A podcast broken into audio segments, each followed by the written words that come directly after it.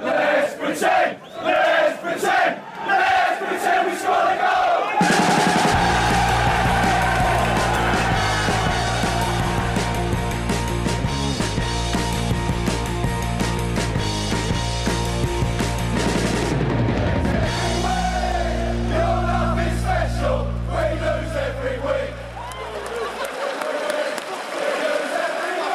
Ja, hjärtligt välkomna hälsar vi då till veckans avsnitt av Sportbladets Premier League-podd. Patrik Syk heter jag, eh, sitter här i Stockholm för mig själv. Kalle Karlsson, du är tillbaks i Västerås, där du befinner dig. Stämmer. Mm. Och Frida, du är kvar i London, där vi har vant oss vid att du eh, sitter och håller koll på grejerna. Eh, det har varit en, eh, en strålande inledning på den här, eh, eh, vad heter det? Vad heter det? Säsongen heter det. Helt sjukt om man tappar sådana ord. Eh, så tidigt in i podden, det ska vi inte behöva göra. Eh, mycket att prata om. Jag tänker helt enkelt att vi liksom så här börjar bara plöja igenom matcherna. Är det någonting så här utöver det så får ni bara hojta till om det är något ni kommer på. Eh, men det känns som att vi har pratat så mycket om allt annat. Vi har pratat så mycket transfers i Silly, vi har pratat inför och det är liksom så här, äntligen får vi prata om matcher som betyder någonting.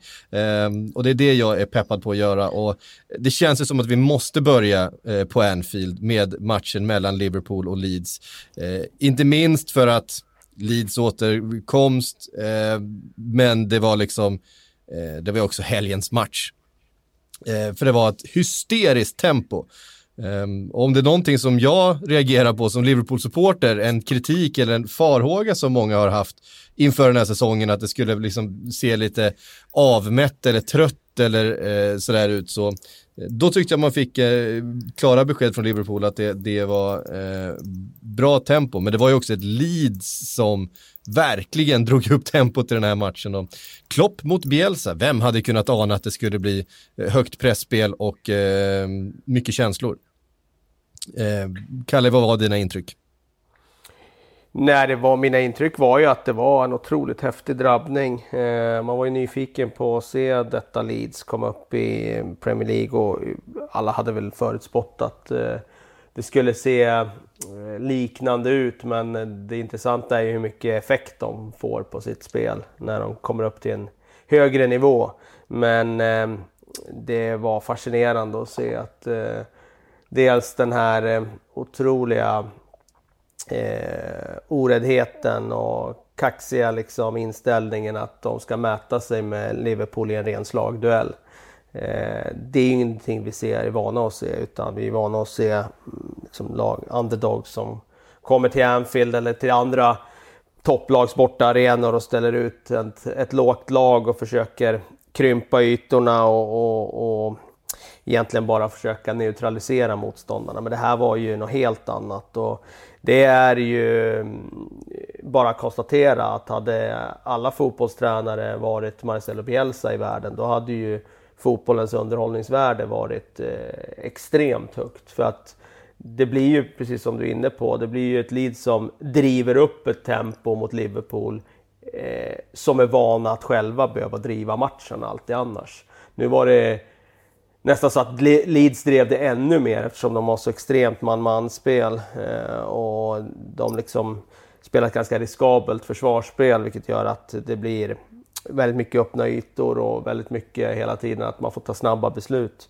Så att eh, det var en häftig match och eh, det är bara att lyfta på hatten för Leeds som eh, är den absolut eh, häftigaste nykomlingen jag har sett i Premier League under hela 2000-talet. Redan nu efter en match. Men det, det, det väger ju också in av, av det jag vet om laget innan. Att jag hade ju räknat med att de skulle vara eh, speciella och det, det är de sannoliken.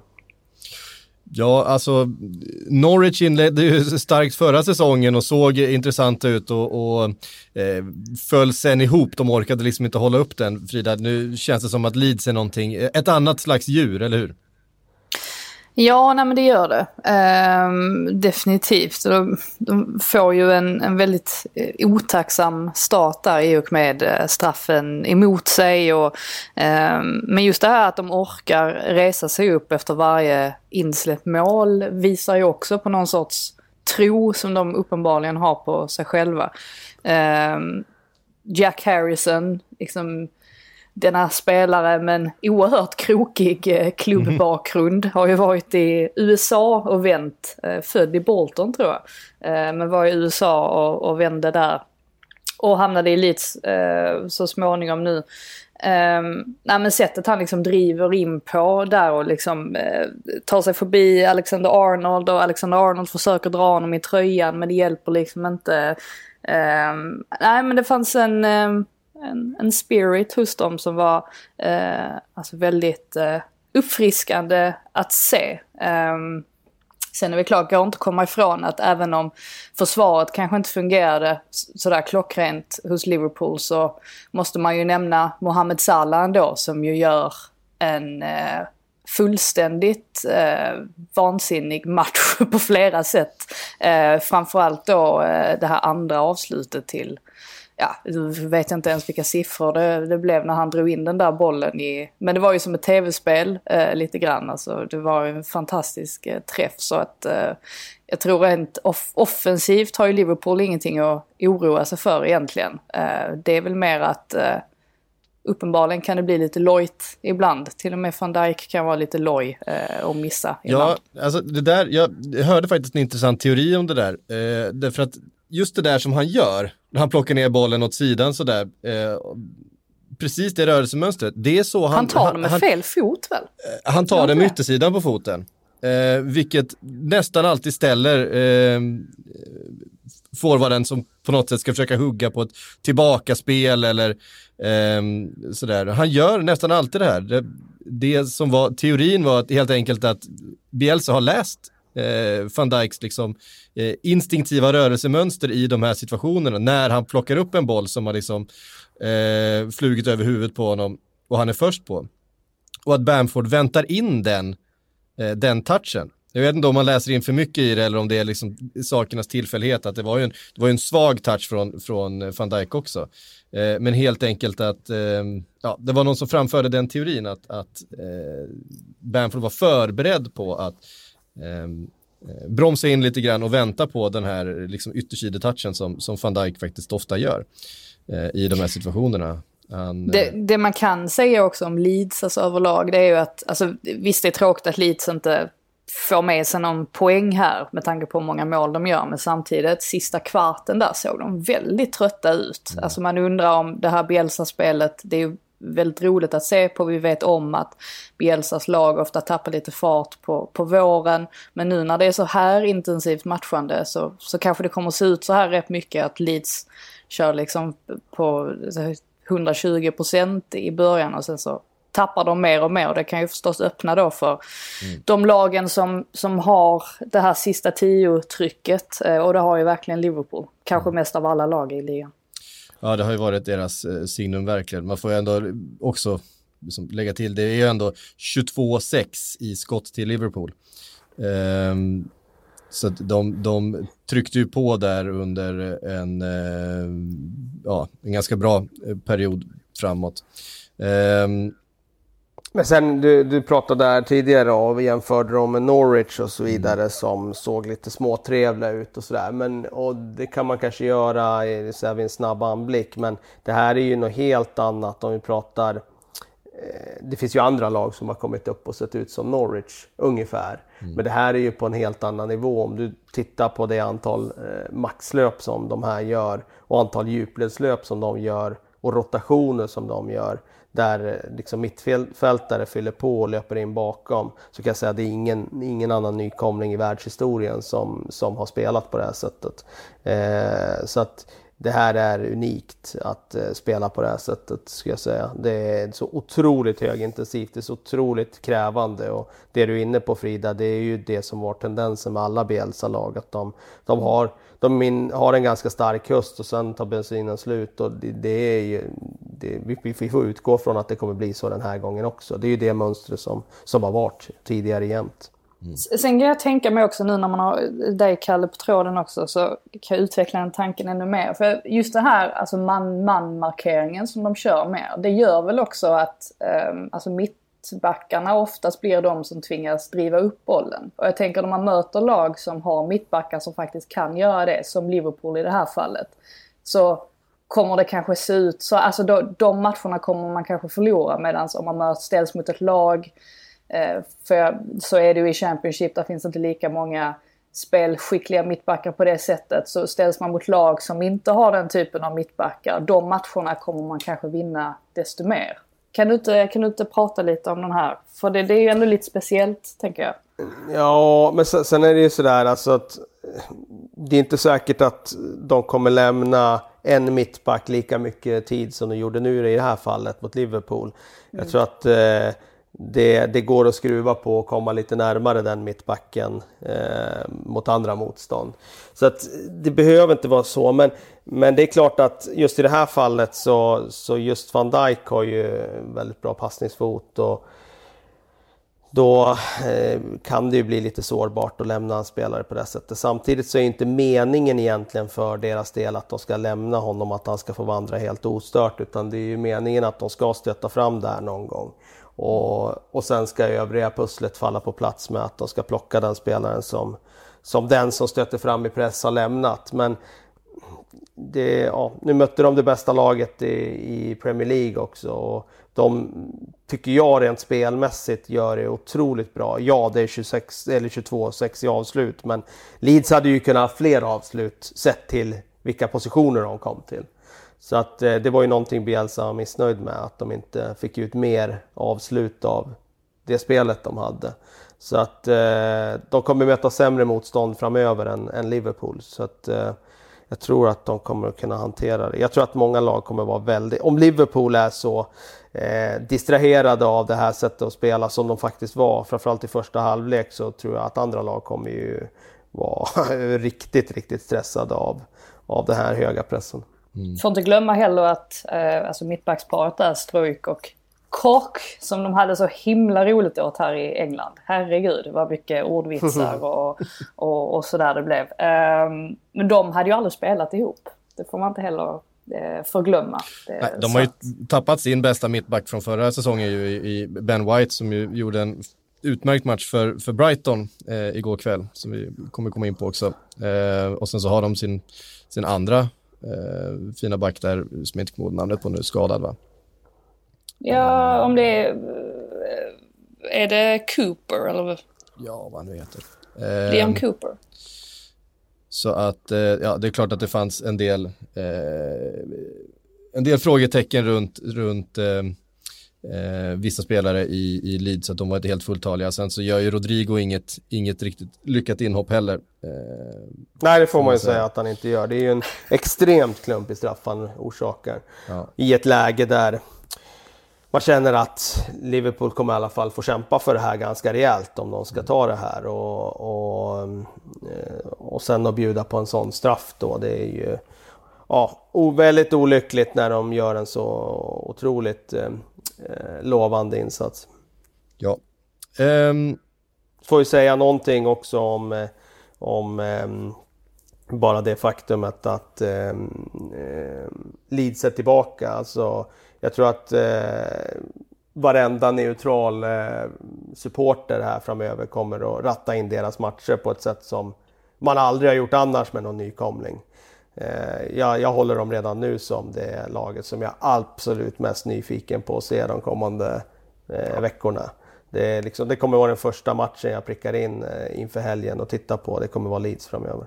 Va? Det, inte Brighton? Nej, nej, nej, nej, absolut inte. Alltså Brighton gör inget unikt. De gör det bra, men de gör inget unikt nu på något sätt. Ja, utan de gör som många andra lag. Eh, det Leeds gör, det är ju något som sticker ut verkligen. Mm.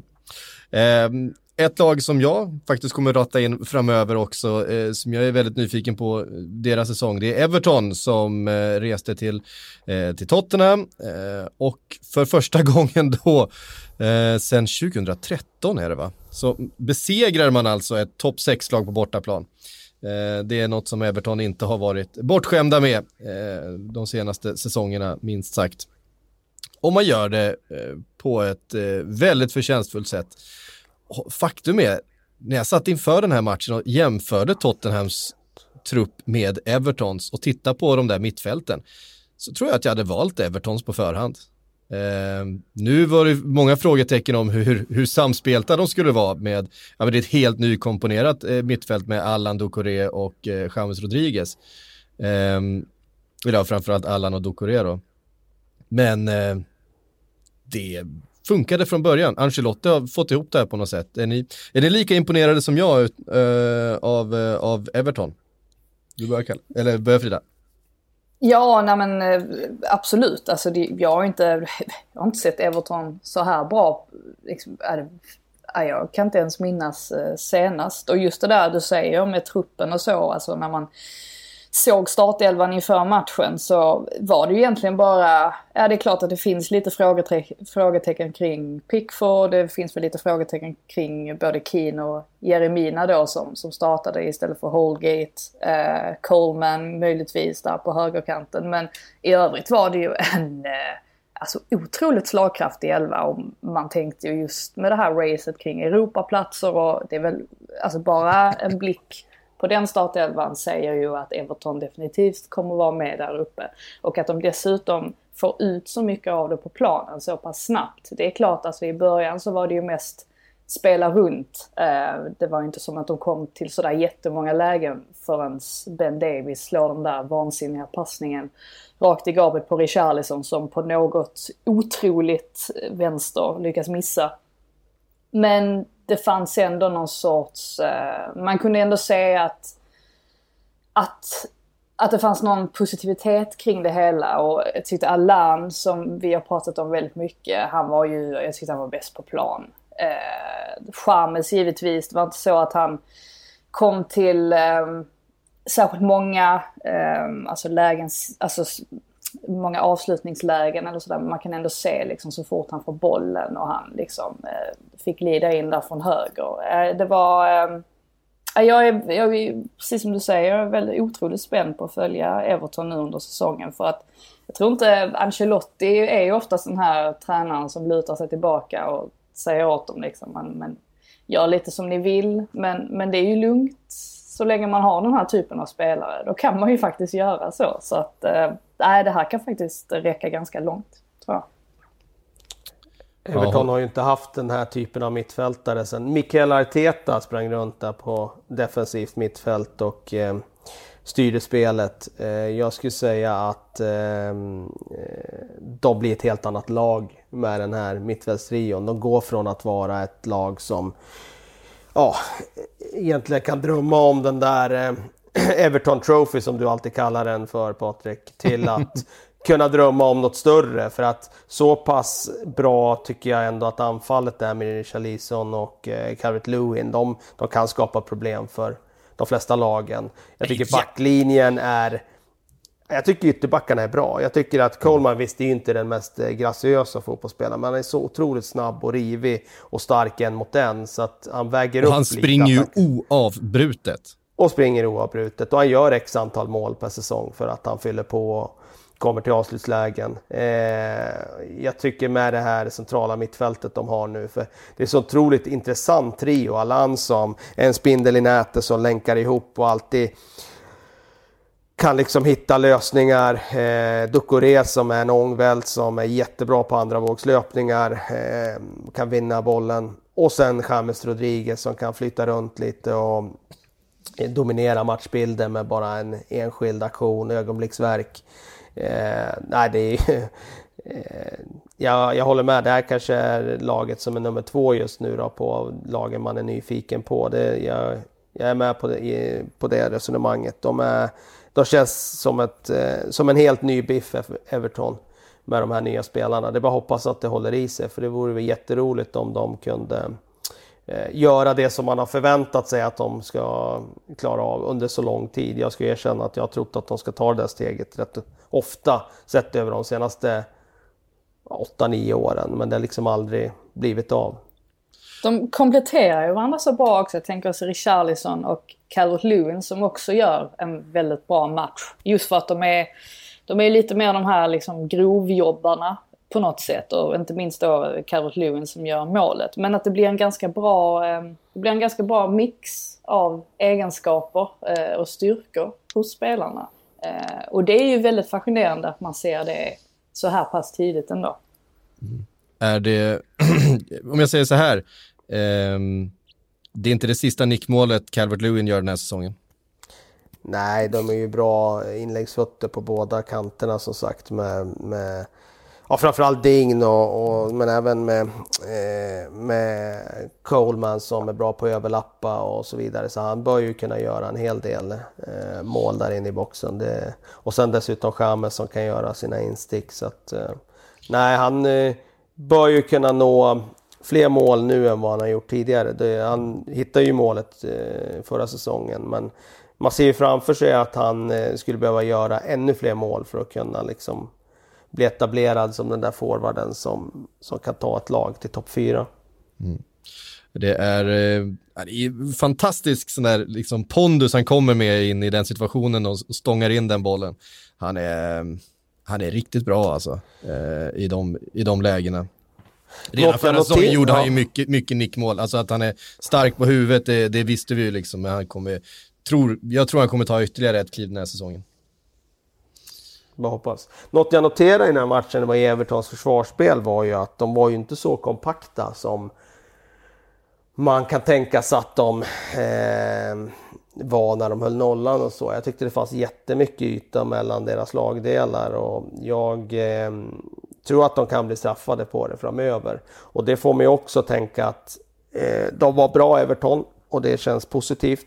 Men det kanske också var ett fall av att de mötte en, en motståndare som var rätt oinspirerad och som kanske inte har alla bitar på plats. Mm. Eh, för jag tyckte de, de föll så otroligt mycket med sin backlinje Everton i vissa situationer när de inte hade behövt göra det. Och ett bättre lag hade, äh, pratar vi Liverpool eller City eller sådär, så hade de straffat det eh, ganska hårt. Mm. Och eh, det blir någonting som blir intressant att se framöver. Ja, vi, vi, ska komma in lite grann på Tottenham också, men före vi, före vi lämnar Everton så måste vi, vi hackar ju mycket på Pickford, eller i alla fall jag gör. Eh, ja, jag också börjar göra det, så ja. jag får väl också krypa till korset lite grann. Han var ju ja, bra i den här matchen. Han var väldigt bra i den här matchen och räddade ju, räddade ju de här poängen med, med flera riktigt fina räddningar. Såg, eh, agerade med pondus också i luftrummet tyckte jag. Eh, flera viktiga utboxningar, eh, bland annat i, i trängda lägen. Um, och han är ju, eh, han, har, han är ju vertikalt utmanad så att eh, det kräver ju att han verkligen kommer eh, med eh, den där spänsten och pondusen och tajmingen i luftrummet för att eh, nå den här bollen och det gjorde han. Eh, så att hatten av till, till Pickford. Men eh, Tottenham, det var, ah, det kändes inte så, det kändes inte så pikt det kändes som att det fattades ganska mycket. Jag saknade eh, ett samspel mellan Son och Kane och det såg liksom, jag vet inte, vad, vad, vad är tanken, vad är idén med, med, med Tottenham? Nej, men alltså först och främst om man ser till startelvan så var jag faktiskt lite förvånad över att Alderweireld startade före Davinson Sanchez. Jag säger inte att Davinson Sanchez är en så otroligt mycket bättre mittback än vad Alderweireld är, men han är i alla fall snabbare. Um, och jag tyckte, nu gjorde ju inte Richarlison mål på den här jättechansen, men en, en snabbare mittback hade kanske möjligtvis eh, alltså hunnit upp den situationen på ett betydligt bättre sätt. Och vi ser ju också när Calvert Lewin nickar in bollen, då är det Alderweireld som inte är riktigt med eh, i själva... Det är en jättebra nick såklart, jättefint inlägg, men Alderweireld är inte riktigt med eh, i situationen, eh, lite långsam sådär om man bara ska ta någon liten ljusglimt innan man går in och sågar allting totalt så var det nog ändå Dorothy för mig som, som mm. var... Som liksom, och det är ju han som är väldigt nära också att gör, göra mål där när Pickford gör eh, en av sina jätteräddningar. Um, han får ju väldigt mycket, det var mycket tjat i den engelska sändningen om att ah, han lämnar så mycket ytor bakom sig. Men å andra sidan så har väl Mourinho sagt åt honom, liksom, alltså gett honom eh, alltså fritt löp framåt och sen så låta Ben Davis kliva ner istället då liksom när han ger sig iväg. Och det är ju ett väldigt farligt vapen som vi säkert kommer att se Spurs använda sig av rätt mycket. Men i den här enskilda matchen så var det ju framförallt mittfältet som inte alls fungerade. Eller snarare att mittfältet var ju um, de, ja, de förlorar ju den här mittfältskampen mot Everton eh, med alltså råge. Eh, Höjbjerg hade ju kanske inte den bästa eh, debuten direkt. Eh, tror väl i och för sig att det hade sett annorlunda ut om Lo Celso hade spelat, möjligen. Eh, men Mourinho, det är intressant också att Mourinho efter alla de här, den här typen av bottenmatcher, just när de liksom hamnar i underläge och så lyckas de inte vända, så pratar han nästan alltid uteslutande om eh, att det inte fanns rätt inställning och att eh, de springer inte tillräckligt. Och Ja, eh, jag vet inte. Kanske har han rätt. Alltså kanske är det delvis ett, ett inställningsproblem. Ehm, eh, eh, men samtidigt så måste man kanske kunna begära också att en tränare ska kunna skruva på någonting i alla fall så att det blir någon form av effekt. För att den, den kom ju aldrig. Den kom lite grann när en Dombele kom på. Men sen började han slarva så då, ja, då såg det ut som det gjorde igen. Ja, eh, nej, det, det känns som att det det är något som fattas hos, eh, hos Spurs för att de ska kunna blanda sig i den där toppen tycker jag. Eh, som de ju såklart hoppas kunna göra. De är ju ett av, ett av topp sex lagen eh, som vi lite slött eh, kallar eh, topplagen. Eh, de i alla fall traditionella som har varit de senaste eh, 8-9 åren. Eh, desto muntrare miner i Arsenal efter deras eh, premiärseger då mot eh, Fullen, som jag tyckte öppnade såg väldigt fina ut. De hade liksom ett eh, ganska så här, trevligt eh, mittfältspel, fint passningsspel, såg eh, bekväma och trygga ut med bollen, men, men du, du, eh, Arsenal... Du fick ingen vidare reaktion från oss när du, när du skrev det i vår grupp. Nej, vi, var, vi var inte så imponerade. Ni var inte alls lika imponerade som jag var. Eh, men de, de, det mattades ju också av efter en stund i den där matchen. Det var den där första ja, men halvtimmen. Sen kom ju Arsenals mål och sen så blev det en ganska bekväm seger till slut. Eh, Pierre-Emerick Aubameyang visar ju eh, att han är en av ligans absolut bästa, eh, bästa mål, målprickare. Eh, fantastiskt mål. You'll, never, you'll not see a better one this season, som Martin Keon sa. ja, det, kändes som att den kommentaren var kanske lite färgad av hans klubbsympatier. Ja, lite grann eh, Det var ett fint mål, absolut. Men vi kan komma in lite mer på det målet senare. Jag är, jag är med dig på lite där med Fulham. Alltså, jag tyckte att de såg lite småtrevliga ut, men det var ju fortfarande så att man kände att eh, där fanns det Norwich-vibbar. Där tycker jag att det var en, en känsla av att de Eh, spelar eh, lite fint men eh, kommer det här att hålla? Kommer de vara tillräckligt bra? Kommer de göra det här tillräckligt bra för att det ska ge effekt? Sen är det ett problem tror jag för Fulham att de försöker spela det spelet. Eh, min eh, spontana känsla är ju att Craven Cottage måste ju vara en av de minsta planerna i Premier League. Och det är ju jätteskillnad att göra det där på en stor Old Trafford jämfört med att göra det på Craven Cottage. Det är ju Eh, stor skillnad. Så att eh, ja, jag sätter ett frågetecken här kring, eh, kring om det här är rätt sätt att eh, ta poäng för deras del. Sen tycker jag i och för sig att det kan vara behjärtansvärt att de eh, har ju ett eget spel och så vidare. Jag tyckte att som sagt att de, de såg lite spännande ut men eh, jag, jag sätter ingen tilltro alls till den här backlinjen. Det, det gör jag verkligen inte. Eh, och den, eh, det var ju typ den backlinjen som var i klubben när de var i Premier League senast. Och då rann det ju ja. till hela tiden. Men Tim, Tim Ream var ju ändå ganska bra där inledningsvis. Men Michael Hector hade ju en katastrofal ja, eftermiddag. Och det är han som ska vara deras bästa back. Ja, de får nog byta. Eh, byta de titlarna. Ja. Uh, men det, det, man kan säga om Arsenal egentligen är väl att alltså de är ju inte bra under första halvlek överhuvudtaget. Uh, men ändå leder de med, med 1-0 i halvtid. Uh, och kan liksom sen döda matchen i, i, i den andra halvleken. Det är också någon sorts styrka som man inte har sett hos dem kanske tidigare skänker jag också en tanke till Gabriel där som, som hade kunnat få en, en horribel start på mm. mm. sin karriär i England. Och sen så vänder det på det sättet istället och han tillåts eh, nicka in 2-0 där i andra halvlek tack vare Hectors ganska obefintliga markering. Så det var ju, det var ju mycket som gick med i Arsenal också. Eh, men det ska, alltså det är ju inte tur eh, på det sättet oftast utan det handlar väl snarare mer om att det kanske finns en sorts grundtro också. Att de inte stressar upp sig längre om det inte ser sådär jättebra ut. Um, El Nenni är väl inte den kreativa spelaren som ska göra det så att säga. Eh, det blir ju trots allt lite bättre när Xhaka vågar slå lite fler djupledsbollar. Sen när Ceballos kommer in i andra halvlek så blir det ju helt plötsligt en, ett helt nytt Arsenal återigen. Så att eh, nej, de ser spännande ut. Mycket brassevibbar. Mycket brassevibbar. En liten shout-out ändå till eh, eh, Niskens Kebano i, i Fulham som jag tyckte, han är rolig att titta på. Eh, ja, han försöker ju i alla fall. ja. Eh... Liva upp det. Nej, men man får ju ändå ge credit tycker jag till Arteta för att eh, så sagt alltså vår vän Unai Emery försökte ju sätta det på plats med ett spel där de skulle rulla ut bollen från insparkar. Men eh, kändes aldrig som att han var riktigt i närheten av att lyckas med det. Men där har de ju ett jäkla tryggt grundspel nu där de är helt trygga i att rulla ut bollen och det är klart att de kommer orsaka något mål bakåt på det. Men de har ju redan gjort ett antal nu tunga mål där de verkligen har rullat ut den hela vägen från målvakt och fram till Aubameyang som hänger den i bortre. Så att, eh, och då blir ju effekten då också att motståndarna kommer inte våga gå lika hårt i pressen och då blir det enklare, ännu enklare att spela ur och då kanske man får tag i bollen på ett, på ett annat sätt. Så att eh, ja, de har satt sig i respekt när det gäller det.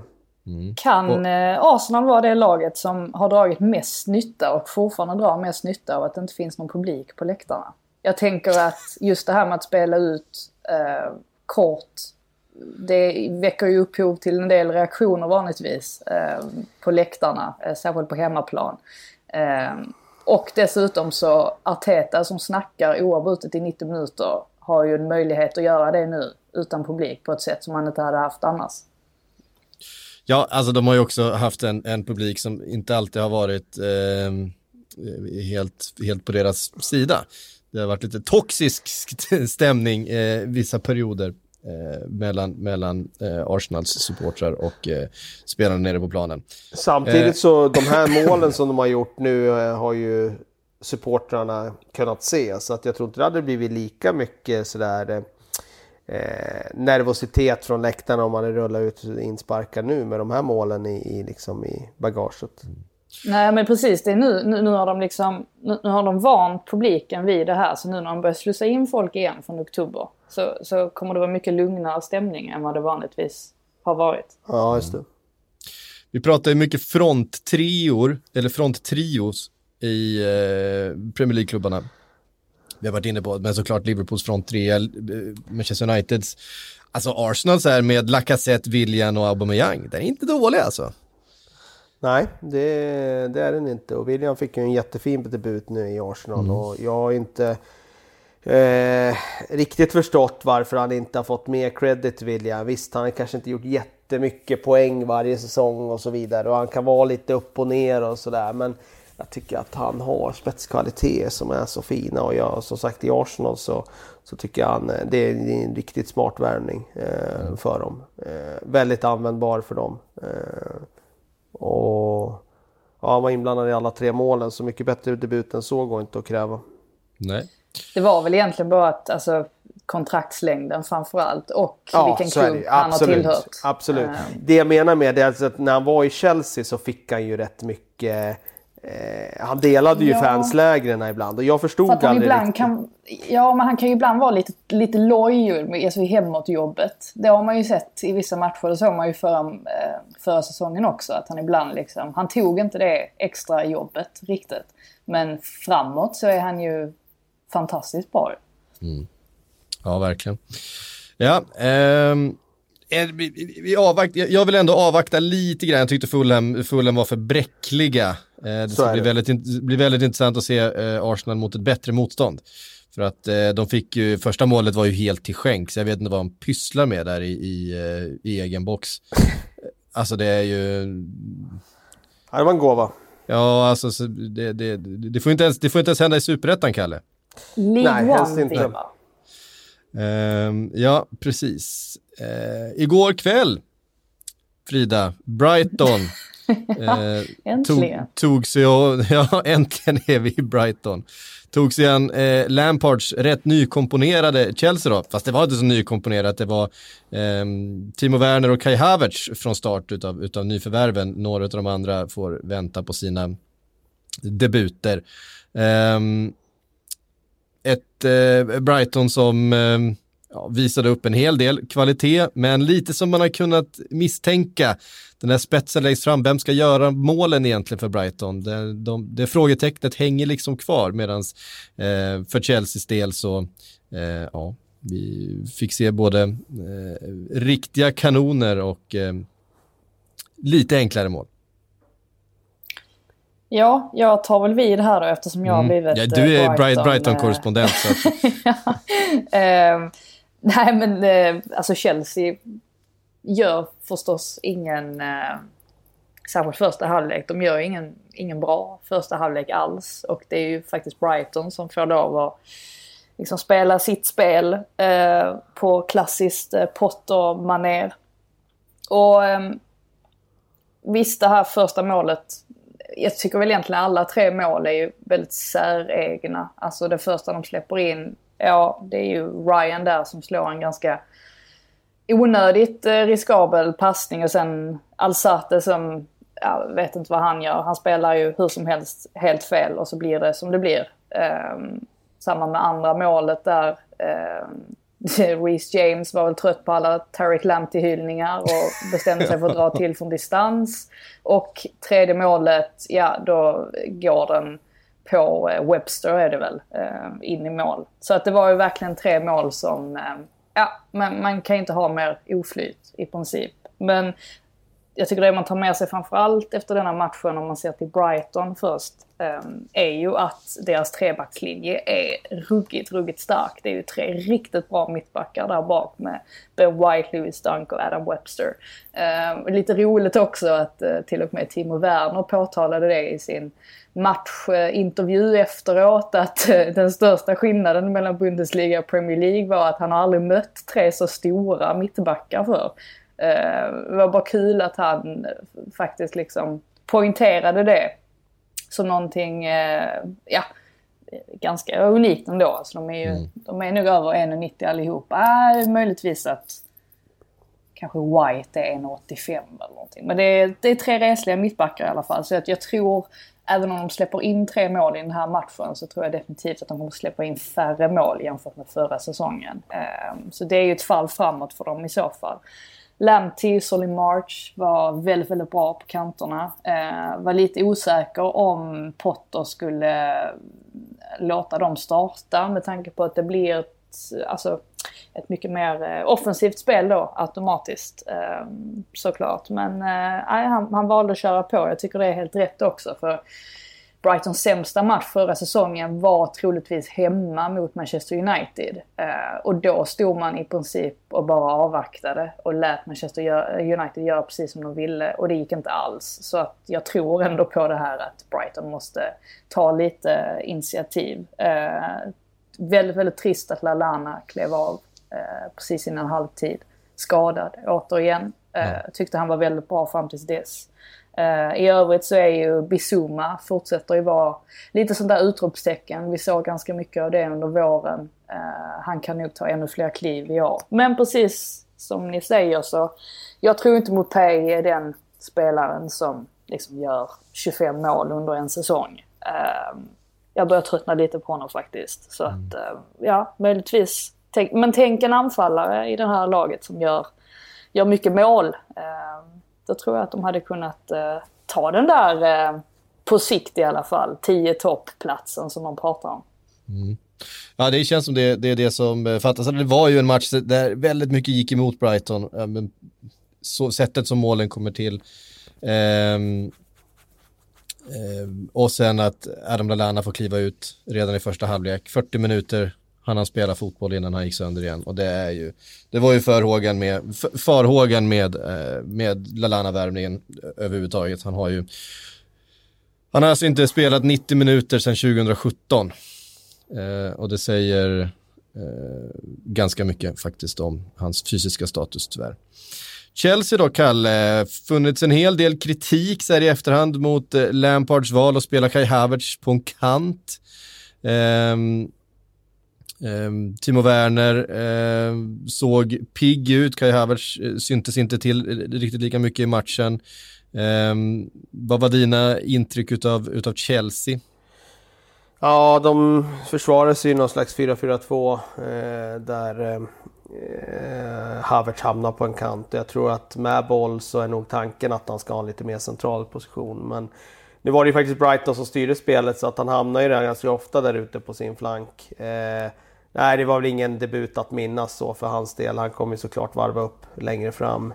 Eh, jag tyckte inte Chelsea överhuvudtaget var sådär Eh, de, de fick inte till det den här matchen. Samtidigt är det ju starkt att åka därifrån med 3-1 seger i en premiär. Eh, mm. Det får man ju inte glömma bort. Eh, och de har ju alla möjligheter att, eh, att slipa på det här. Det är mycket nytt som ska in. Även om det som sagt inte var jättemycket nytt så är det ändå två offensiva pusselbitar som är nya i den här elvan. Så att det kommer nog behövas lite lite eh, finslipning innan det här sitter. Men eh, ja, jag sätter fortfarande, det är ju fortfarande ett frågetecken kring deras defensiv. De släppte till ganska mycket i den här matchen. Eh, dels var Brighton bra, men det är fortfarande känslan av att försvarsmässigt har de ju inte någonting som eh, luktar något titel-race ens faktiskt.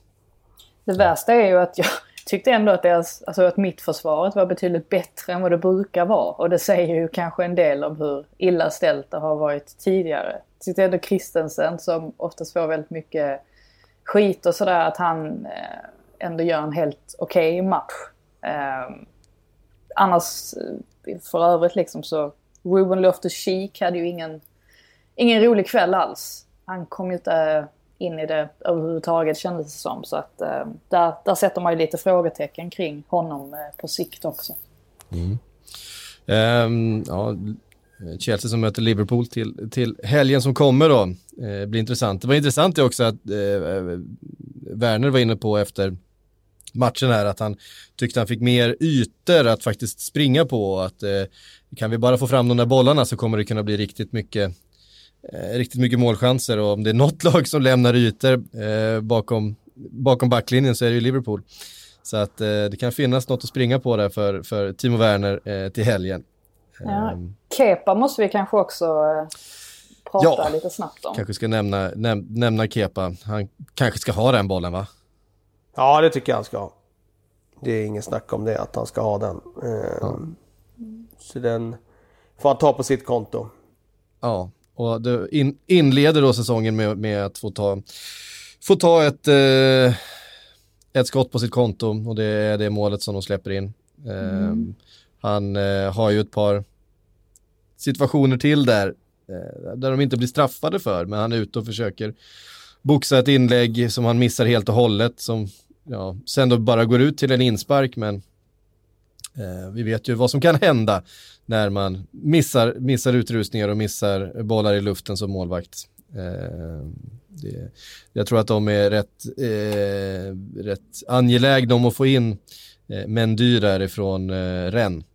Eh, rätt snart faktiskt Chelsea, vilket jag tror kommer hända inom bara några dagar.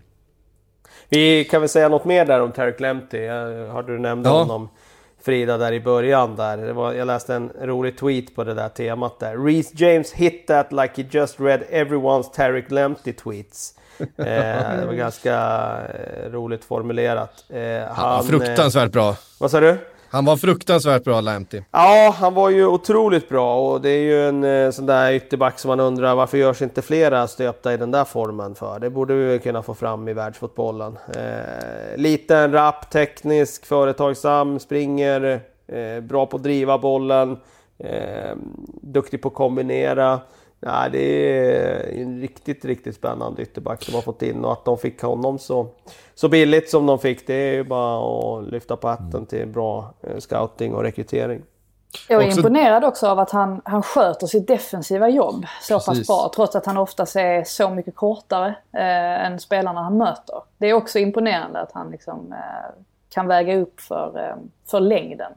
Mm. han, han erbjöds ju ett nytt kontrakt i, i Chelsea. Det var många liksom som ju var ute, alltså innan Reece James klippte till så var det ju många som eh, uppmärksam, eller sa det på Twitter liksom varför, varför släppte Chelsea den här spelaren? Men han erbjöds ju ett nytt kontrakt men valde ju Brighton på grund av konkurrenssituationen, vilket man ju kan förstå. Mm. Eh, så att eh, nej, eh, han kommer säkerligen få eh, spela extremt mycket den här säsongen. Och jag tyckte det var lite roligt också, Gary Lineker skrev att Tänk om England hade kunnat spela med enbart högerbackar. Så, alltså, VM i högerbackar, det hade, man, det hade man vunnit enkelt. Ja, det ligger någonting i det. De har många det på den positionen. Det ligger verkligen någonting i det. Det är ju helt otroligt. Det är nästan obscent att man kan ha så många i en position mm. som är så fruktansvärt bra. Som hade gått rakt in i många andra landslag. Vi måste ju ha Um, vi behöver inte hålla på att räkna upp alla, men det måste ju vara en 7-8 stycken som skulle vandra in i de flesta landslagen i världen. Ja. Ja, så är det. Skottland ställer upp med vänsterbackar istället. Precis. Mm. ja, vi ska säga någonting eh, lite grann också om eh, Eh, West Ham United 0, Newcastle 2, för att det är ingen bra stämning i West Ham. Eh, och det här var på något sätt, ja men det är hemmapremiär, eh, det var ett motstånd som man skulle kunna rå på, det här var ju liksom de poängen man skulle kunna få ihop då när, när eh, det drar ihop sig till eh, ett riktigt, riktigt tufft spelschema framöver. Eh, men det fanns inte speciellt mycket att hämta för West Ham, eh, kändes det som i den här matchen. Ehm, det, det, det, är för dålig, det är för dålig stämning i den där klubben eh, och det smittar av sig och Newcastle utnyttjar detta. Ehm, ni ska veta att för två veckor sedan satt jag i en Sillypodd och ställde mig frågan vad Jeff Henrik egentligen är bra på. Eh, han är ja. bra på mycket. det visade sig vara bra på mycket, både mål och assist i den här matchen. Eh, och mål för Callum Wilson också. Eh, så att eh, nyförvärven presenterar sig verkligen i, i, i Newcastle. Här, men, eh, ja, vad får ni för känslor runt, eh, runt eh, West Ham? Det, det, kan stå på liksom väldigt få poäng här en, en bra bit in på hösten. Är ni bekymrade? Ja, det, det, är, man, det är man väl. Eh, tyckte, tyckte att den här matchen var ganska konstig överlag. Det var väldigt mycket avslut och jag tror inte att West Ham ligger så långt efter eh, Newcastle i statistiken. Eh, det kan de inte göra. Eh, de hade ändå Nej, det är 15-15 i skott. Ja, eh, ja men precis. Så att, jag vet inte riktigt vad man ska eh, säga om dem. Jag tyckte alltså det som var signifikativt i, just den här matchen är ju att, um, att det var många spelare som inte gör en, en bra match. Uh, Declan Rice till exempel hade ju ingen, ingen kul kväll. Uh, bara för att nämna, bara för att ta ett exempel. Medan då Newcastle helt plötsligt har fått in en, en spelare som faktiskt kan göra mål då där i Callum Wilson. Um, så jag tror väl inte att, alltså West Ham kommer inte vara med och, och slåss liksom om några högre placeringar givetvis. Men eh, jag tror ändå att eh, alltså någon gång måste de väl få ut någonting av spelare som Allaire till exempel. Eh, Filippa Andersson och så vidare. Så att förhoppningsvis för deras del så kan de väl i alla fall eh, klamra sig kvar. Eh, men det behövs ju göras en grundlig grundstädning där. Det ju, har ju varit, alltså länge varit mycket på ledningshåll och sånt som mm. inte har fungerat riktigt väl. Sen är frågan nu, har de ju ett horribelt spelschema framför sig. Eh, kan ju mycket väl vara så att de ligger i botten eh, nu ett par veckor framåt. Eh, men jag tror väl de klarar sig i slutändan. De har ju blivit vana nästan med att börja lite taskigt här. I alla fall gjorde de ju det i fjol där. Eh, och få uppförsbacke. Eh, så att mentalt sett så kanske de har någon slags erfarenhet av, av det jag är nog lite mer bekymrad sådär. Det är ju också över om, om Declan Rice skulle lämna. Alltså den mentala effekten av det skulle ju vara jättejobbig eftersom det redan är en stor debatt och diskussion kring Grady Diangana och hans övergång till West Bromwich där man släppte mm. en egenfostrad, väldigt lovande ytter som man säkert hade kunnat byggt eh, på på sikt. Och skulle man då dessutom släppa Declan Rice som framstår som liksom deras talisman då, då Även om han inte gjorde någon lysande insats den här matchen så det tror jag hade varit en enorm smäll för West Ham. Jag tror ju det är närmare att de plockar liksom en mittback än att de släpper Declan Rice. Jag vet inte. Jag, Jag, tror det. inte riktigt. Ja, men jag Ja, litar inte på den här ledningen. Det är det. Nej, nej så, så är det. Men jag tänker liksom... Eh, precis som du säger, hade de släppt Rice, alltså Noble hade ju avgått. Liksom. Alltså, med tanke på hur han reagerade första gången där eh, med Ja. Diangana. Så att, Samtidigt så verkar det från, från flera Chelsea-håll som att eh, man fortfarande är hoppfulla om att få in Declan Rice eh, under det här fönstret. Då kan det ju vara därför han inte presterade igår. Att han har huvudet på annan ort så att säga. Eller annan plats. Ja, vi får se vad som händer där. Det känns också som att det finns ett otro- otroligt missnö- missnöje med David Moyes också. Det, det saknas visioner och idéer där och det pratas om att de vill ha in eh, mittfältare och de har liksom tekniska spelare i Filippe Andersson. Men vad spelar det för roll när bo- bollen bara går från, från mittback till Alers panna i alla uppspel? Ehm, det känns som att eh, liksom bristen på spelidé där också. Sen så har West Ham nu då framöver Arsenal, Wolves, Leicester, Spurs, City och Liverpool. Eh, Ja, innan man då den 7 november möter Fulham. Ja, den är kämpig den inledningen, det får man säga. Det var det man befarade om de inte plockar poäng i det här mötet. Att det kan bli jobbigt. Eh, det kan det. Eh, får säga någonting om eh, Leicester också då, som ju var ett av eh, säsongens lag förra säsongen, även om de eh, föll ihop lite grann då i, i ehm, ehm, säsongsavslutningen och missade topp 4-plats den gången. Eh, nu eh, dammade man av eh, Jamie Vardys straffskytte och eh, rodde hem tre poäng relativt kom komfortabelt då ändå mot eh, West Bromwich som inte såg speciellt eh, intressanta ut eh, skulle jag säga. Eh, nyförvärvet Kastanj med eh, mål i debuten han också. Mycket nyförvärv som, som presenterades i den här första omgången eh, verkligen. Återigen ett namn som den engelska pressen har haft väldigt roligt åt. Eh, när de upptäckte att kastanj betyder chestnut. Eh, på, på svenska är det ju liksom kastanj. Men Ja. det, ja, det, det tyckte rubrikmakarna var väldigt kul. Så att det, chestnut fick man se väldigt mycket eh, här efter helgen. Eh, West Bromwich, återigen ett sånt där lag där man liksom Fulham eh, tyckte att ja men det här ser lite spännande ut under första halvlek. Eh, men att det helt enkelt inte räcker till riktigt.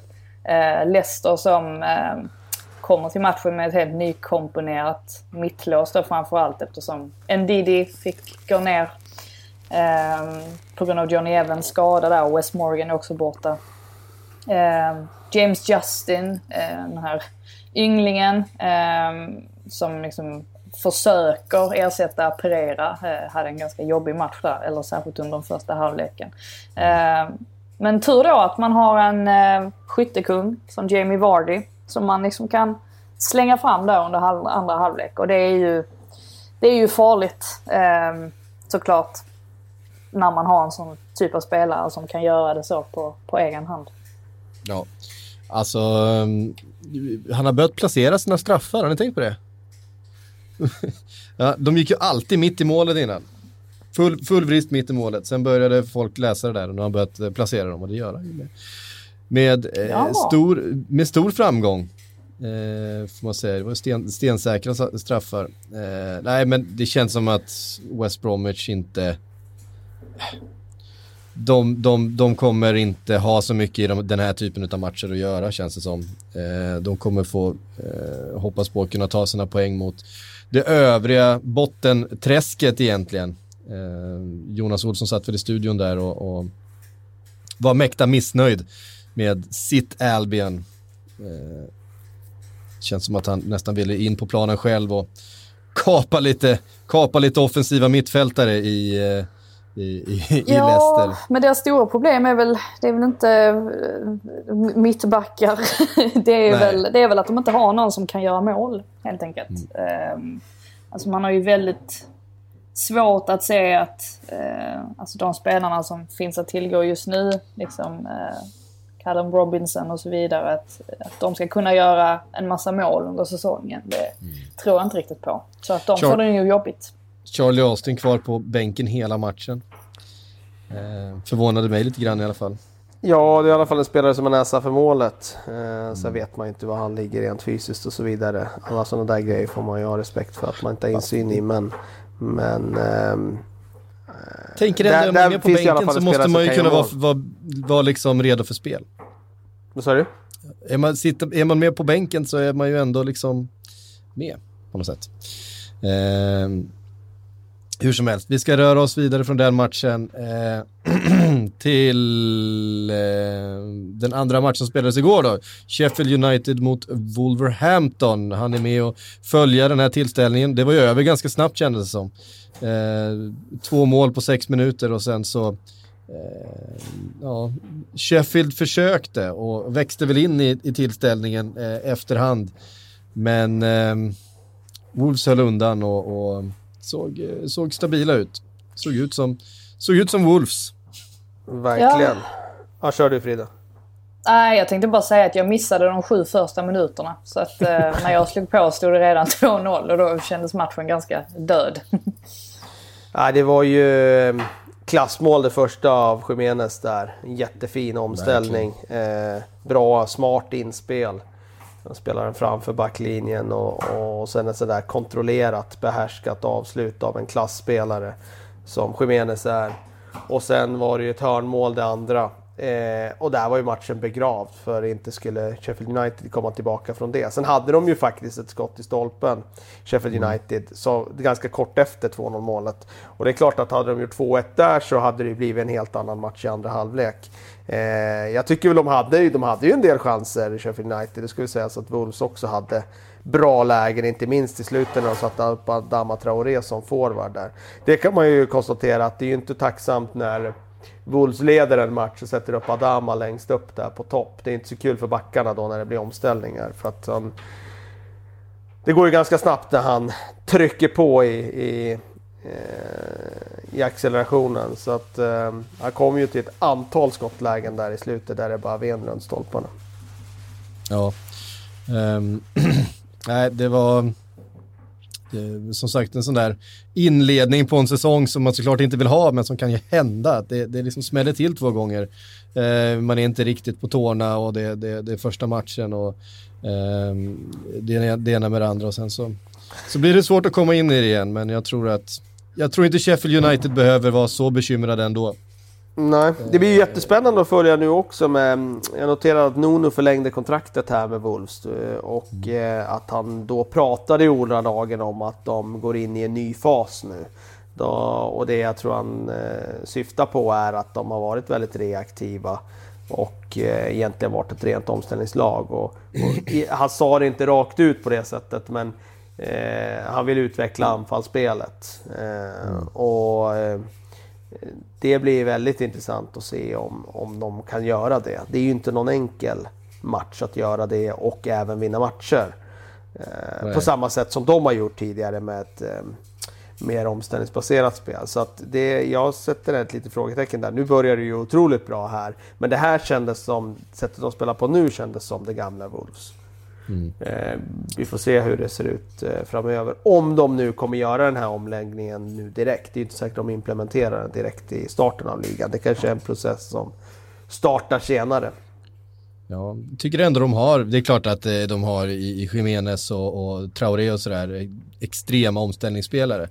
Jag menar, en Joao Mo- Moutinho är ju inte en, en, en utpräglad omställningsspelare till exempel på mitten. det är Nej, ju en spelare som verkligen kan hantera en, ett bollinnehav om man säger så. Och det kan ju Adama Traoré och Jiménez också göra. För om du tar Adama Ja. Traoré så har han den här förmågan som är mm, rätt unik i ligan med att han kan slå sin spelare från låsta positioner. Och Jiménez är ju ja, en helt komplett anfallare. Så det spelar ingen roll vilket spel man spelar med honom på plan egentligen. Så att, eh, det finns material för det men då får man skruva om risktagandet helt. Eh, och framförallt eh, inte vara så baktunga.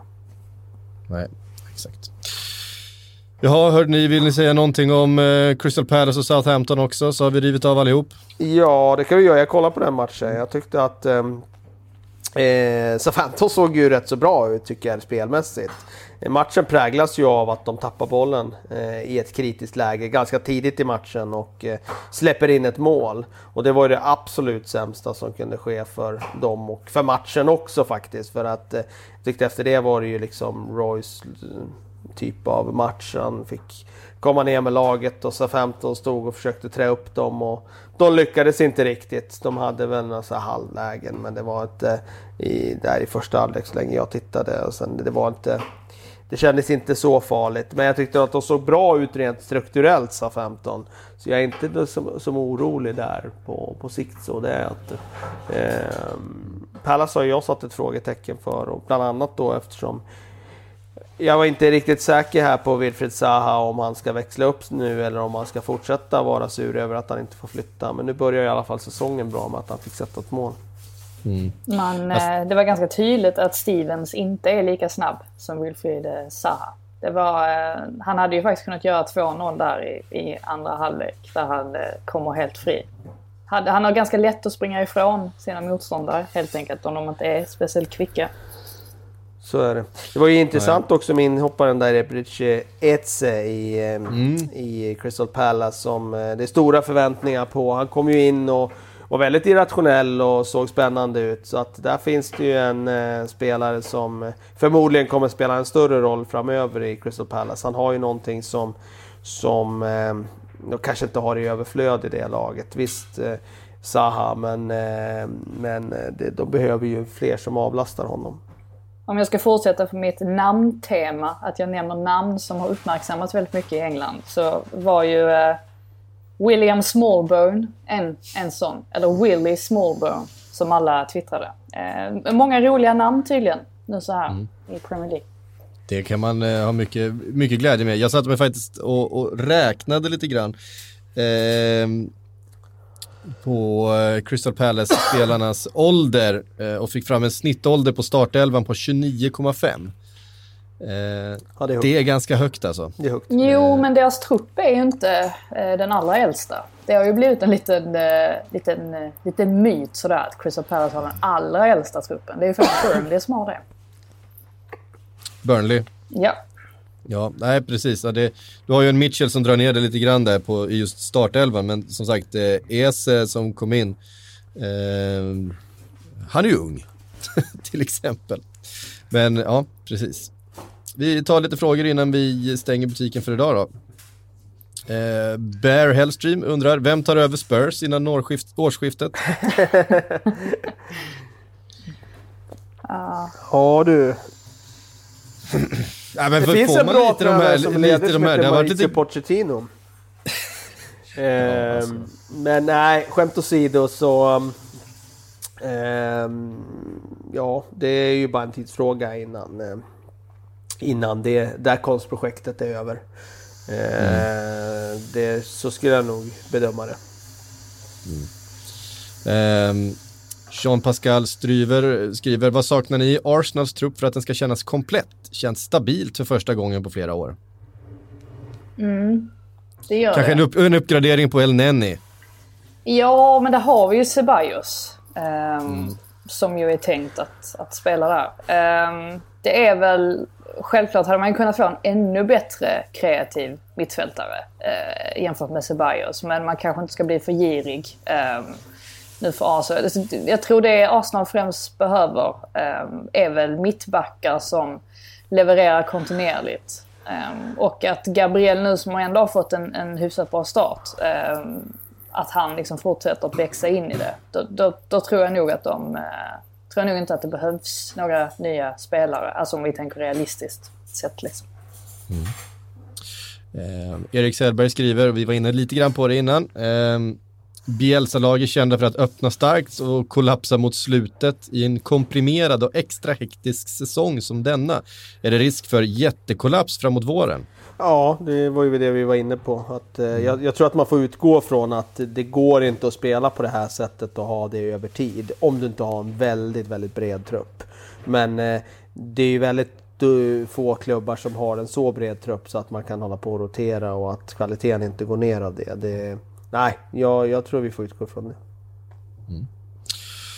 Toppen hörni, då var vi igång. Kulan i luften. Eh, nästa eh, helg så kliver också Manchester United och Manchester City in i handlingarna. Eh, och eh, ja, det ska bli intressant. förstås. Vet ni vad, tusen tack för att ni var med eh, idag och tusen tack alla ni som har lyssnat. Eh, lite senare idag ska vi spela in ett Sillypodden också, så att eh, då tar vi alla era frågor om transfers, för att eh, det, det dök upp några sådana här också, konstigt nog. Ehm, tack för att ni har lyssnat. Eh, Premier League-podden är tillbaka om en vecka igen. Eh, vi hörs då.